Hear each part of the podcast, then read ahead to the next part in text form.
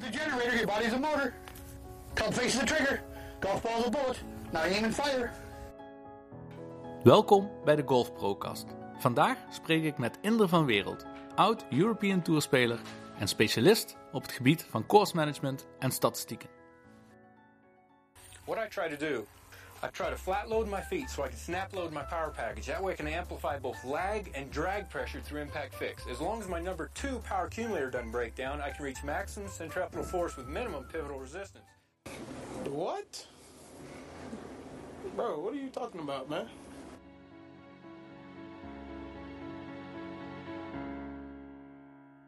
Mijn naam is Sjors Lemmens en leuk dat je weer luistert naar een nieuwe aflevering van de Golf Procast. Het thema van vandaag is niet zozeer swing of technisch gerelateerd, maar we kijken naar de manier waarop er het beste gescoord kan worden. Want het zal geen verrassing zijn dat het onmogelijk is om iedere bal hetzelfde te slaan. Maar om juist goed met die spreiding om te kunnen gaan, is course management enorm belangrijk. Tevens kun je door het bijhouden van statistieken makkelijker zien waar jouw belangrijkste slagen zijn. En op welke onderdelen jij de meeste tijd moet besteden. Inder werkt met toptalenten zoals Koen Kouwenaar, maar ook met tourprofessional Wil Besseling. En hij vertelt ons hoe ze samenwerken aan hun course management en statistieken.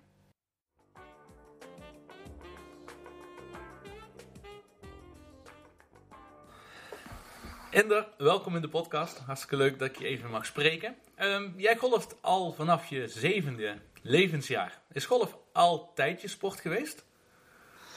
Ehm, ja, eigenlijk wel, inderdaad. Vanaf mijn zevende, maar ik moet zeggen, was niet altijd eh, mijn, mijn eerste sport. Ik, eh, ik heb veel gedaan als, als kind zijnde. Golven weliswaar altijd erbij, maar eigenlijk is mijn, mijn eerste grote liefde in de sport basketbal. Dus dat, dat weten niet heel veel mensen. Maar ik, heb gevoetbald en gebasketbald, maar vooral basketbal stond voor mij bovenaan, bovenaan. En ik deed het golven eigenlijk een beetje, een beetje erbij. Tot welke leeftijd heb je gebasketbald? Uh, nou, volgens mij tot mijn vijftiende. Toen, uh, nou, ik ben nooit, nooit heel, heel groot geweest. En toen was ik ook ongeveer het kleinst in het team en uh, op school in de klas ook. Dus ik dacht, nou, dit gaat hem waarschijnlijk niet worden. En dat is, dat is ook gebleken met mijn, ja, nu 1,79 meter. ja, dat, dat gaat hem niet echt worden. was, was moeilijker dus, geworden dan golf, inderdaad. en... ja, was een stuk lastiger ja. geweest, ja. ja. En toen, uh, vanaf dat moment, ben je toen veel meer gaan golven in je, als amateur? Ja, vanaf dat moment. Maar ik moet zeggen, mijn interesse voor golf werd ook steeds, steeds groter. Okay. Dus het heeft niet alleen met mijn lengte te maken. Maar ja, ik vond het, ja, eigenlijk ook meer het idee van... Uh, ik vond het ook het moeilijkste van, uh, van de sporten die ik deed. Dus uh, ik wil niet zeggen dat het uit frustratie kwam. Maar ja, bijna een soort van uit frustratie. Dat ik gewoon dat meer wilde beheersen. En daar dus ook meer uh, uren en tijd in ben gaan steken om, uh, om beter te worden daarin. Want uh, ja, nogmaals, ik, ja, ik vond verreweg het moeilijkste sport. En ja, daar ergerde ik me gewoon aan. dat ik bepaalde dingen niet kon. Ja, ja. ja toen startte je eigenlijk wel een indrukwekkende zegenreeks als amateur. Zeker als je ziet wat je nationaal allemaal geworden hebt. Hoe belangrijk was die succesbeleving om iedere keer weer die stap verder te, te maken? Um, ja, nou ja, het bevestigt wel een beetje dat je, dat je de goede dingen doet. En het geeft natuurlijk een goed gevoel. En het geeft je ook het gevoel, nou ja, misschien, uh, misschien zit er wel wat, wat meer in. Hè, om uh, ooit hier mijn beroep van te maken. Ehm, Nederland is een vrij klein land. Dus als je bij de beste, beste paar spelers zit, bij de beste twee, drie spelers, wil dat nog niet zeggen dat je internationaal ook, uh, ook bij de beste hoort en het als prof kan maken. Maar ja, op een gegeven moment heb ik, heb ik die stap toch, toch gewaagd. volgens mij was ik 23, dus vrij laat eigenlijk pas professional geworden. Maar in de tussentijd, ja, wel nou, zo'n beetje alle nationale titels wel, wel behaald die, die, die je kon winnen. Dus ja, was wel een mooie periode. Was het een uh, moeilijke, het leek een logische overstap dat je pro werd, maar was de overstap ook moeilijk uh, qua druk? Als je uh, opeens als pro be beweegt? Ja, ik weet niet. Zo heb ik het eigenlijk niet echt heel erg ervaren. Het team wat ik als amateur had, dat, het begeleidingsteam, dat had ik grotendeels ook toen ik professional werd. Dus wat dat betreft was het was het redelijk makkelijk. En ja, het logistieke deel, het praktische deel was natuurlijk anders. Want je moet, je moet wat dingen regelen in, bij de NGF. Als je in het nationaal team speelt, dan ja, wordt eigenlijk heel veel voor je geregeld. Je reist als team. En, en dat valt dus wel een beetje weg. Hè. Ik ben op een, een satelliettour begonnen in in Engeland. Dus uh, ik was de enige Nederlander daar. Dus dan, dan is dat ook weer anders. Je moet uh, weer nieuwe trainingsmaatjes vinden. En je reist alleen en dat soort dingen. Dus ja, ik moet zeggen, dat was een beetje wennen. Maar aan de andere kant ja, ben ik nooit echt iemand geweest die daar heel erg moeite mee heeft gehad. Dus het ging, ging redelijk goed, moet ik zeggen, die overstap. Het is niet zo van, het, is, was compleet anders voor me. Wat sommigen wel ervaren. En hoe kijk je over het algemeen terug naar je carrière? Als je kijkt van je bent gestart en op een gegeven moment uh, heb je ook gekwalificeerd uh, voor de European Tour een jaar en na de, na de qualifying school. Maar hoe kijk je terug op je carrière?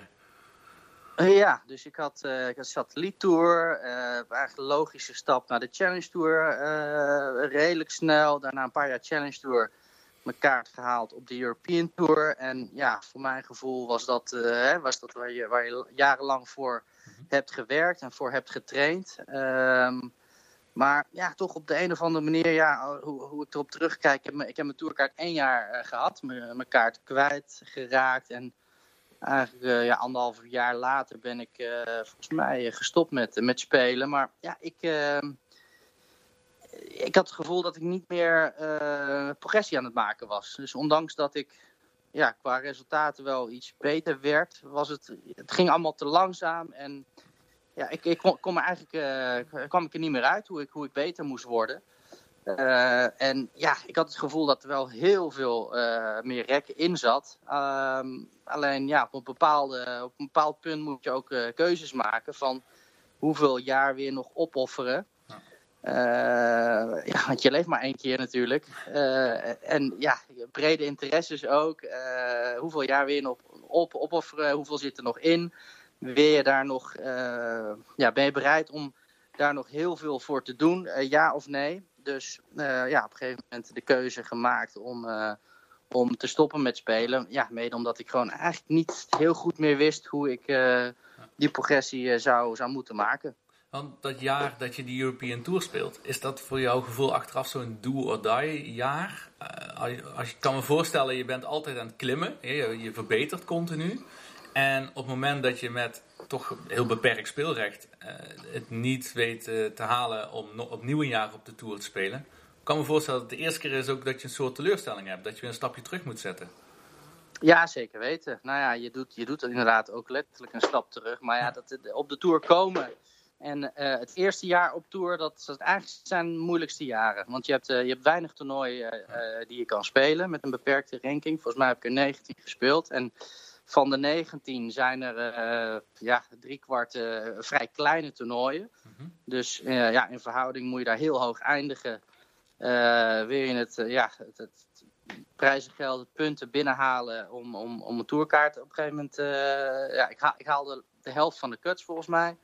Uh, dus ja, dan valt al de helft weg. Dus in die andere moet je uh, nou, eigenlijk alleen maar top 10, top 5 finishes uh, halen. Dus dat is heel erg moeilijk om dat eerste jaar door te komen. Als je daar eenmaal doorkomt, dan wordt het wel een stuk, stuk makkelijker.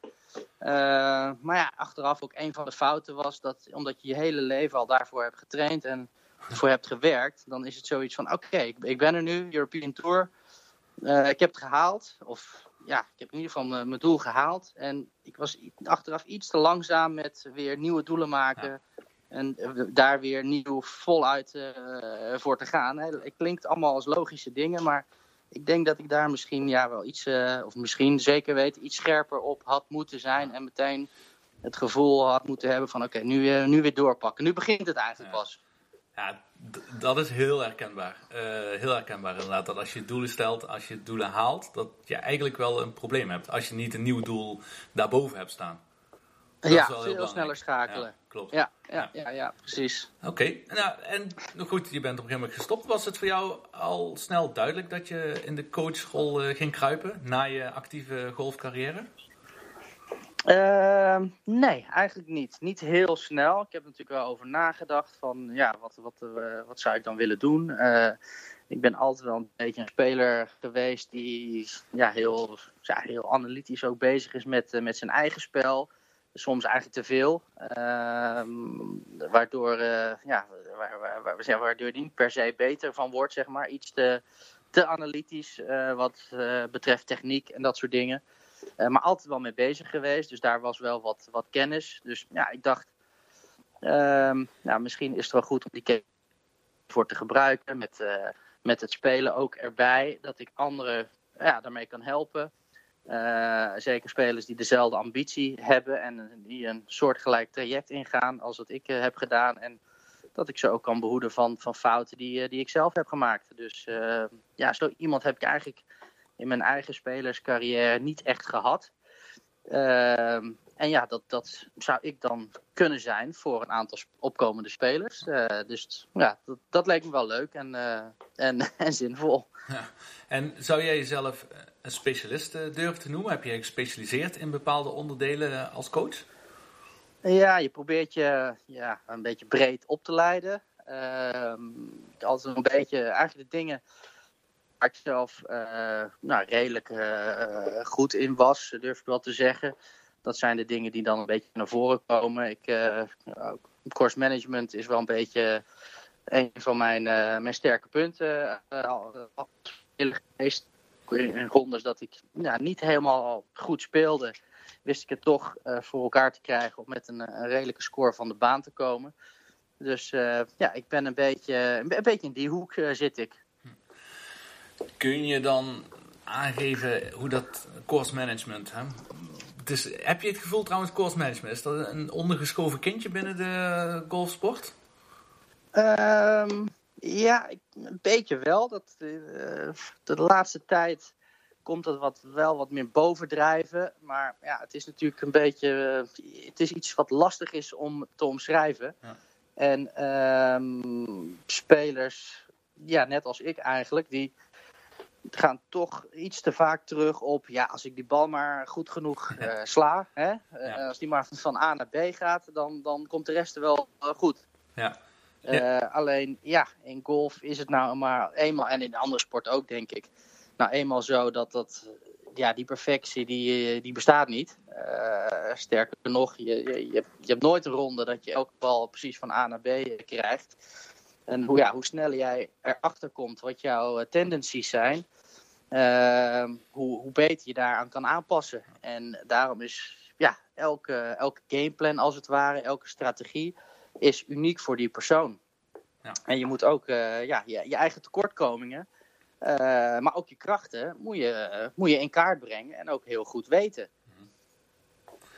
Ja, dus als jij, jij werkt bijvoorbeeld met Koen Kouwenaar. Hè, en wat bijvoorbeeld eis je van hem betreffende zijn analyses of zijn statistieken? Is hij heel veel daarmee bezig?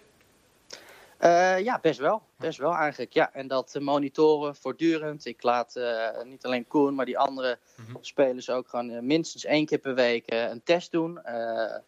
En dan monitoren we dat in de loop van het seizoen. Van welke kant gaat het op? Wordt het beter? Wordt het slechter? gaat het een bepaalde richting op? ja of nee? En aan de hand daarvan kan je zeg maar die wedstrijden in met, een, met net iets meer kennis. En er zijn bepaalde dingen waar je op let met betrekking tot statistieken ook. Ja, welke schoten, welke slagen heb je het meest in een heel seizoen, in een ronde? Ja, bijvoorbeeld pitches van 40, 50 meter. Ehm, zijn wel belangrijk, elke slag is belangrijk. maar die heb je niet heel veel in een, in een seizoen, in een ronde. Dus hoe belangrijk is het om die veel uh, te oefenen? Ja, niet zo in verhouding dan. Je oefent ze wel, maar in verhouding tot hoe vaak je ze nodig hebt. Krijg je dan heel veel verschillende resultaten? Als je ziet uh, waar spelers op moeten oefenen, welke slagen dat ze het meeste nodig hebben, zit daar veel verschil in onderling? Uh, ja, het verschilt een beetje onderling. Ik heb ook een aantal dames. en het verschilt ook een beetje per tour de, die je speelt. Dus welke banen je speelt. Uh, dus dus dat, ja, dat, dat is ook wel mooi om te zien. En dat heeft weer te maken met hoe de banen geprepareerd zijn? Lengte van banen of breedte van fairways? Ja, zeker weten. Beide. Beide. Ja, dus uh, Nou, bijvoorbeeld, ik begeleid ook wel Besseling. Uh, we hebben gezien dat, dat uh, de, de slagen die hij het meest heeft, zijn de slagen tussen 120 en 150 meter. Ja. Dus ja, als jij daar heel goed in wordt, en dan hebben we het natuurlijk over gemiddeldes. Hè? Ik noem maar wat, als jij ze gemiddeld op 7 meter slaat en het is volgend seizoen is dat 5 meter uh, dan, het, het, voelt misschien niet heel anders, maar ja, die twee meter, dat vertaal je in meer uh, puts die je holt. En dat vertaal je in, uh, in hogere resultaten en meer prijsgeld, et cetera. en het voelt op dat moment niet heel anders. maar qua resultaat scheelt dat natuurlijk gigantisch. Ja. Ja, en als, jij bent natuurlijk niet altijd mee met jouw spelers op, uh, op de baan, op de tour om uh, de gameplan te maken. Maar volgens mij heb je daar wel een uh, mooie manier op voor gevonden om met je spelers op afstand toch goede gameplans te kunnen maken. Ja, dat is, dat is met golfen natuurlijk anders wat betreft andere sporten. Er is volgens mij geen enkele sport dat je ja, zo vaak eigenlijk zonder begeleiding bezig bent en ook op toernooi bent. Dus um, ja, dat heeft natuurlijk ook met, met budgetten te maken. Je kan je coach niet eh, twintig keer eh, per jaar meenemen, en, uh, een, een, volle week. Ehm, dus nou ja, wij gebruiken dan Google Earth of Google Maps. En um, daar kan je heel goed meten. het enige nadeel is dat je de, de hellingen niet kan zien. dus de, de hoogteverschillen. Mhm. Maar het is een soort um, voorbereiding op een oefenronde. Dus uh, wat je doet, is je gaat je Google Earth of Google Maps ga je op, je pakt uh, de baan, je doet wat metingen. En vervolgens gaan die jongens naar het toernooi, gaan ze een oefenronde spelen. En dan kunnen ze zien van, oké, okay, hier is een beetje hoogteverschil, we maken een paar aanpassingen. En zo ga je eigenlijk het is een oefenronde op een oefenronde. Zo, zo moet je eigenlijk zien. Ga je met een beetje voorkennis al een mhm. oefenronde in. Hè? Een baan die je nog nooit gezien hebt. Dus uh, ja, dan heb je net, denk ik, iets meer voorsprong op, uh, op de rest van het veld. Ja, dan maak je met name afwegingen van, uh, aan de hand van de statistieken van de spelers. Hoe ver dat ze slaan. Om precies te kijken al van tevoren. Waar is dan een goede plek om die bal naartoe te spelen qua, qua lengtes? Ja, precies. Dus dat, hè, zodra die jongens een oefenronde of meiden een oefenronde hebben gespeeld, dan hebben we nog weer even contact. Nogmaals, hoogtes kan je niet zien en de lengte van het gras kan je natuurlijk ook niet zien. Dus dat, dat kan van jaar tot jaar zelfs ook een beetje, een beetje verschillen. Uh, als het een heel droog jaar is geweest, dan, ja, uh, of een droge periode, dan ziet de baan er heel anders uit. Dan speelt hij anders dan, uh, dan als dat niet zo is. Um, en inderdaad, aan de hand van hun eigen spel, um, ja, het kan best wel voorkomen dat, dat de twee van mijn spelers zelfs een oefenronde samenspelen. Maar dat het gameplan anders is voor beide. Afhankelijk van uh, waar ze goed in zijn en uh, waar ze niet in goed in zijn. Maar ook wat voor balvlucht ze hebben. Curve die bal van rechts naar links of juist van links naar rechts. Uh, dus dat is, is wel een leuke puzzel, zeg maar, om mee bezig te zijn. Hebben ze dan na die oefenrondes, hebben ze dan weer contact met jou? Om hun voorstel van een gameplan te laten zien en kijk je dan daar nog naar? Ja, zeker weten. Ja, dan, dan, dan bellen we altijd even. En ehm, ja, meestal is het wel duidelijk. Hè? in, in ja, 75, 80 procent van de gevallen is het wel duidelijk wat je moet doen op een bepaalde hole. Uh, maar het gaat net, zeker op dat niveau, om die twee, drie momenten in een ronde. Dat je misschien net een iets betere keuze uh, kan maken of had moeten maken. En uh, ja, als dat zich vertaalt in, over vier dagen, zijn dat vijf tot tien momenten in een toernooi. En dat is een, een heel groot verschil dus uh, grotendeels uh, hebben, ze het, uh, hebben ze het altijd goed. Maar eigenlijk bellen we vaak over de, eigenlijk alleen over de twijfel. Ja. twijfelholes of twijfelmomenten of twijfelkeuzes. En ehm, ja, met behulp van statistieken kan je daar gewoon een, een, heel duidelijk, duidelijk plan maken. En, ehm, en ja, hoe meer twijfel je weghaalt, hoe beter dat natuurlijk is. Ja. Stel uh, Wil als voorbeeld, hè, maakt niet uit welke speler, maar laten we zeggen Wil Besseling. Uh, ja. als, hij, als hij uit zijn uh, testen wat hij doet, dus statistieken, zie je eigenlijk dat zijn tendency een meter of ja, ik veel, 10 met zijn drive rechts van zijn doel is, gemiddeld genomen. ga jij dan tegen een speler, ga je een speler dan adviseren dat hij dan juist wat meer links over het algemeen van die fairway moet gaan mikken? Of ga je op een gegeven moment ook in die swing ervoor zorgen dat die bal minder gemiddeld rechts uitkomt? Ja, nou ja, uh, ten eerste moet je die 10 meter moet je proberen zo klein mogelijk te krijgen. Dus het ligt een beetje aan welke, uh, hoe ver weg het toernooi is. Maar als het de dag voor het toernooi is, dan is het gewoon uh, die, die, die, die 10 meter, 10 meter links mikken. ja, daarvoor doe je al die testjes. En ja, het is, het is nou eenmaal niet anders. Dat, en daar hebben sommige spelers natuurlijk wel heel erg veel moeite mee. Ik, ik zelf ook dat ja, als je op je doel, op een bepaald doel af wilt, dat je daar ook op mikt. Ja. Maar ja, als uit uh, die testjes blijkt dat je altijd uh, of gemiddeld 10 meter rechts van je doel uitkomt, nou dan lijkt het me handig om, om 10 meter links te mikken. Hè? Even, dit is een beetje kort door de bocht, maar in grote lijnen is dat wel wat je moet doen, ja, zeker weten. Hè? Als voorbeeld, ikzelf als speler, als ik, ik, met mijn korte ijzers altijd de neiging gehad om ze links te slaan. Dus ja, als een vlag links op de green is en er is links water en ik heb zo'n 100 meter over of 120 of wat dan ook.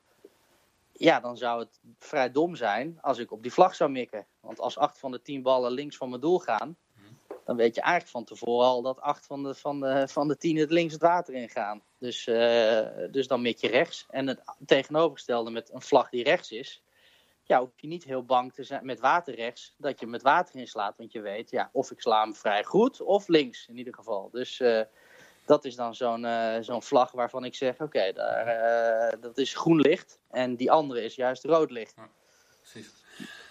Ja. Ja, dus die, die statistieken, ja, wat, wat de spelers uh, opschrijven, die kun je natuurlijk enerzijds gebruiken om de trainingen op aan te passen.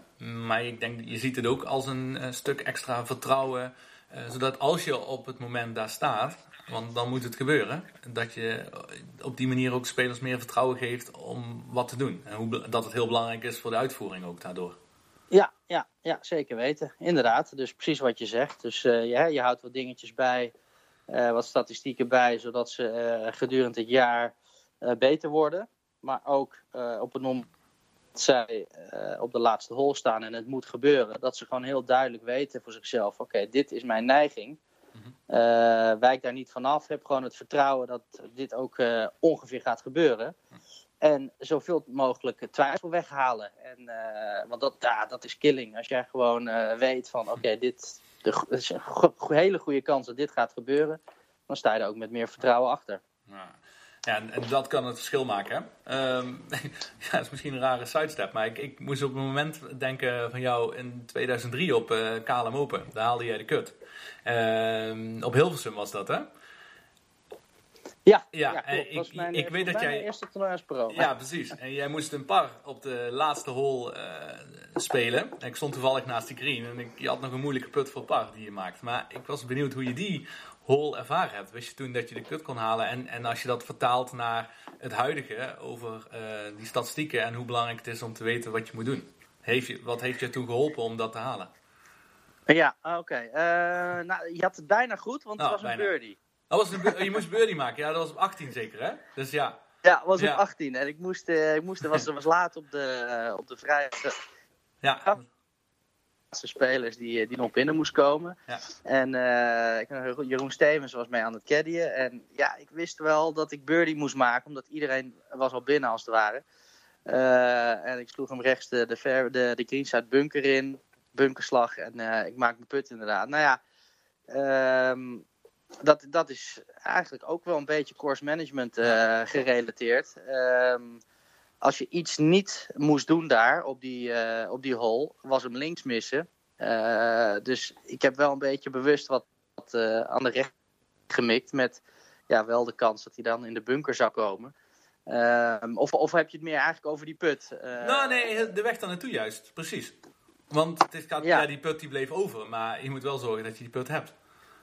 Ja, precies. Ja. dus dat was een moment. Maar ja, die, die, heb je, die heb je zo ontzettend vaak. En ik moet zeggen, het gaat niet altijd goed. Hè. Ik heb ook wel eens gehad dat ik uh, een birdie of een par moest maken op de laatste. Om de cut te halen en ik maak een bogey. Ik bedoel, dat, uh, ja. dat, dat, dat, heb ik ook wel eens gehad. Maar ja, dat zijn juist de momenten. Zeker als je aan het vechten bent om de cut te halen. Dat is eigenlijk al Eh, dat is heel anders dan, eh, of heel anders, een beetje anders dan om de winst eh, gaan. Want als je voor de winst gaat, dan weet je al dat je, ja, je, je hebt best wel veel vertrouwen, je staat goed te spelen. Ehm, dus, dus, dus dat is hoog. Maar als je aan het vechten bent om de kant te halen, dan is het vertrouwen is automatisch al wat, wat minder groot. Dus je bent een beetje aan het struggelen. Ja. En dan moet je ook nog eens een par zien te maken om het, om het te halen. En dat, ja, dat zijn momenten dat je gewoon, nou ja, als je heel duidelijk weet wat je doet, eh, dan kan je een hoop rust geven. Eh, dus ja, dat, eh, dat, daar, dat heb ik wel geleerd. En die, als jij over het course management eh, praat of denkt, denk jij eigenlijk van tee naar green of denk je andersom? Meer terug van green naar de tee? Ehm, ja, daar zijn de meningen wel een beetje over, over verdeeld. Maar ik, ik denk eigenlijk wel van, van tee naar green. Ja. Ja, ja in, eh, in, in grote lijnen. In principe, zeker in het hedendaags spel, is het, eh, ja, je probeert eigenlijk zo ver mogelijk te komen eh, van de tee. En ja, ik bedoel niet zo hard mogelijk, zo wild mogelijk, maar zo, zo, zo ver als, als het kan, zeg maar. Hè, hoe, eh, hoe korter je naar binnen hebt, hoe, eh, hoe beter het is. Hè? Dat klinkt allemaal, allemaal logisch. Ehm, maar in de realiteit werkt het wel meer zo. Zeker de laatste jaren. Die driver en die bal die is enorm verbeterd. Dus wa- wat je vroeger had, is dat je ja, een handvol spelers had die heel goed eh, met de driver waren. En een aantal ook best wel slecht. Maar nu heb je die eigenlijk niet heel veel meer. Spelers die slecht zijn met een driver, ja, die, die, die, ga je niet echt ontdekken op, eh, op het hoogste niveau. Dus je hebt spelers die, die goed zijn met een driver en spelers die heel goed zijn met een driver. Ehm, als, die, als die niet goed is, dan, dan, dan kan je gewoon niet mee op dat niveau. Dat, eh, dat is gewoon, eh, gewoon heel simpel. En ja, ook daarin, als jij, eh, dat is een van, de, van, nou ja, een van de dingen waar ik aan werk met de spelers, is dat ze daar goed in worden. Als je al één drive meer in een ronde op een hole kan slaan dan de andere spelers, zijn dat ook al vier drives in een, in een ronde. Nou ja, dat scheelt misschien eh, 20, 25 meter extra van de tee ten opzichte van de houten drie. Nou, dat vertaalt zich weer in een eh, kortere ijzer. En dat vertaalt zich eh, weer in een eh, kortere gemiddeld, een kortere afstand eh, naar de hole toe. Ja, precies. Hè, als, je een, eh, als je een 8 zou slaan in plaats van een, eh, van een 6. En ja, dat, dat zijn wel net, net die kleine verschilletjes Ja, die, eh, die leuk zijn. Ja, dat is duidelijk, ja. En als je kijkt naar de tourstatistieken, bijvoorbeeld stroke gained, ehm, wat is datgene waar jij meest naar kijkt? Waar jij vindt, dat vind ik nou zo belangrijk, daar laat je echt een verschil zien eh, met waarop gescoord wordt. Dat is eigenlijk hetgene wat je net zegt. Of- Ja, eigenlijk eh, datgene. Uiteindelijk gaat het om die, eh, die proximity. Dus hoe ver je de Precies. bal van, eh, van de vlag slaat. Eh, dat bepaalt grotendeels of je een, eh, een goede of een, eh, of een slechte ronde maakt. Kijk, van, van eh, 10 meter gaat niemand heel veel puts maken. Hè, dat is gewoon een redelijk standaard twee put eh, terrein voor, voor alle spelers. Ja. Ehm, dus, dus ja, hoe, hoe dichter bij dat gemiddelde wordt, hoe dichter bij de vlag, hoe beter je gaat scoren. En ehm, ja, dat, dat is natuurlijk wel voor elke speler net anders. Maar ja, als die driver niet, eh, niet loopt, dan wordt het al een heel, heel lastig verhaal. Wordt heel moeilijk. Is dat voor jouw gevoel een van de grootste omschakelingen of bewustwordingen eh, in de topsport? Eh, want vroeger werd natuurlijk altijd gezegd van ja, de, de beste putter die wint. Maar dat, daar lijkt het eigenlijk helemaal niet meer op. Nee, eigenlijk niet. Eigenlijk niet. Als je dan, nou, ja, als je, als je naar de top, topspelers kijkt, die zijn natuurlijk in alles heel goed. Maar de, de nummer 1 van de wereld, die, die, die is zeker niet een van de, van de beste putters. Hè, op dat niveau. Alles is natuurlijk relatief. Die is eh, nog steeds veel beter dan wij allemaal. Uiteraard. Veel beter. Ja. Maar ja, als je ziet, eh, als, je, als je naar zo'n jongen kijkt, naar Rory McIlroy, of zelfs een Joost Luiten, die heeft een fantastische mooie carrière aan zijn ballstriking te danken. Ja. En eh, ook in zijn geval, het is geen slechte putter, hij heeft geen slecht short game, maar in verhouding eh, is zijn ballstriking eh, veel beter. Als je, als je het zou omdraaien, als je iemand zou nemen die een hele goede putter zou zijn, maar de bal eh, belabberd slaat, die zou niet, daar niet rondlopen, kan ik je vertellen. Nee, precies. Ja, dat is mooi hè. Want dat is wel echt, die bewustwording is wel echt iets van de laatste jaren heb ik het gevoel. Dat dat, Ja. dat, dat duidelijk is geworden. Ja. Ja, net, nou ja, net als die, die, die pitch van eh, 40, 50 Ja. meter. Ehm, ja, die oefen je wel, maar doe het, eh, doe het alsjeblieft in verhouding. En eh, het kan zo zijn dat een, eh, gemiddelde clubgolfer juist die wel veel vaker heeft en die wel juist meer moet oefenen. Dus oefen wat je in verhoudingen nodig hebt. Kijk, één ding is natuurlijk zeker. elke hole eh, ga je bijna, of in ieder geval zo'n beetje tussen de 10 en 14 keer in een ronde ga je een driver slaan. Dat, dat, is, gewoon, eh, Mhm. dat is gewoon duidelijk. En de putter, die gebruik je ook. En 99% van de keer, ja, die ene keer dat je me inchipt, eens in de, in de zoveel tijd, die tellen we dan niet mee. Maar elke hole ga je in principe eh, putten. En de kans is ook groot dat je heel veel eh, puts binnen anderhalve meter zult hebben in een ronde. Dus nou, als je gewoon ervoor zorgt dat dat eh, redelijk verzorgd is, dan gaat dat je een hoop winst opleveren. Absoluut. Ja. Ja. als laatste, Indre, dan een beetje vooruitkijkende naar de toekomst. Natuurlijk moeilijk te voorspellen, dat snap ik. Maar verwacht jij wel dat de trends die je nu ziet, dat die voorlopig nog blijven? In eh, wat je net eh, duidelijk uitlegt over eh, afstanden met de driver, die proximity zo, zo kort mogelijk te krijgen. Ja, dat, dat denk ik wel, ja. Ja, er is natuurlijk sprake van eh, eh, iets, iets eh, te doen met de bal, dat aan te passen. En dan gaan we een, eh, een andere bal gebruiken voor de amateurgolfer, voor de clubgolfer, als voor de pro's. Wel of niet, maar ja, voordat dat een keer eh, er doorheen gaat. Ik, ben, ik, ik zou het sowieso geen andere bal doen voor de pro's en voor de amateurs. Eh, het is juist wel gaaf, denk ik, voor een toeschouwer om te zien wat die pro's doen met hè, eh, hetzelfde materiaal. Hè, die, willen, die willen echt geen, eh, geen drive zien van 200 meter, Nee, dat zou echt... lijkt mij. Nee, hè? dat- dat Dezelfde niet afstand als dat ze die zelf slaan. Ja, het is juist gaaf Dat is het om dat mooiste. geluid te Ja. horen, toch? Ja, dat is het mooiste van de sport. Hè? Dat de, de, de golfers, die topgolfers, die spelen gewoon op de banen. Waar je zelf als amateur, zeker in de KLM Open, ook mag spelen.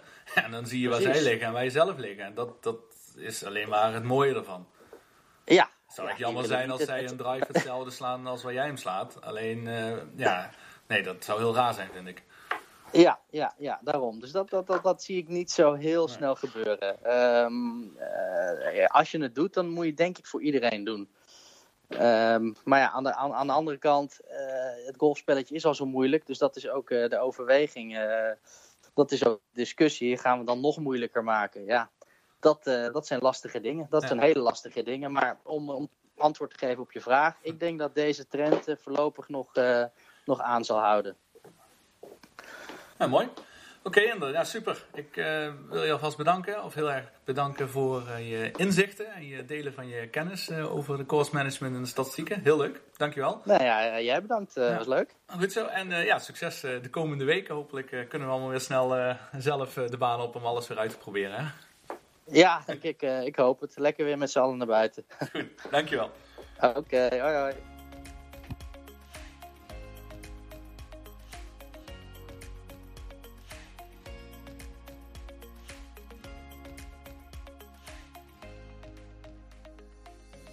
Ja, zo zie je maar dat op alle niveaus het bijhouden van statistieken zeker zal lonen om te kijken waar jouw winstpunten te behalen zijn. En zoals Inder ook mooi zegt, iedere hole begint toch met een drive. En hoe meer drives dat je kunt slaan, des te dichter bij je doel kom je al naar je eerste slag. Dus dat is zeker iets om aan te gaan werken zodra de banen weer open gaan. En op het moment dat deze podcast uitkomt, is dat moment hopelijk niet meer zo ver van ons verwijderd. Bedankt weer voor het luisteren naar de Golf Procast. Vergeet je ook niet te abonneren op iTunes of te volgen via Spotify. En mocht je naar topcoaches willen luisteren in de tenniswereld, check dan ook eens de Tennis Podcast.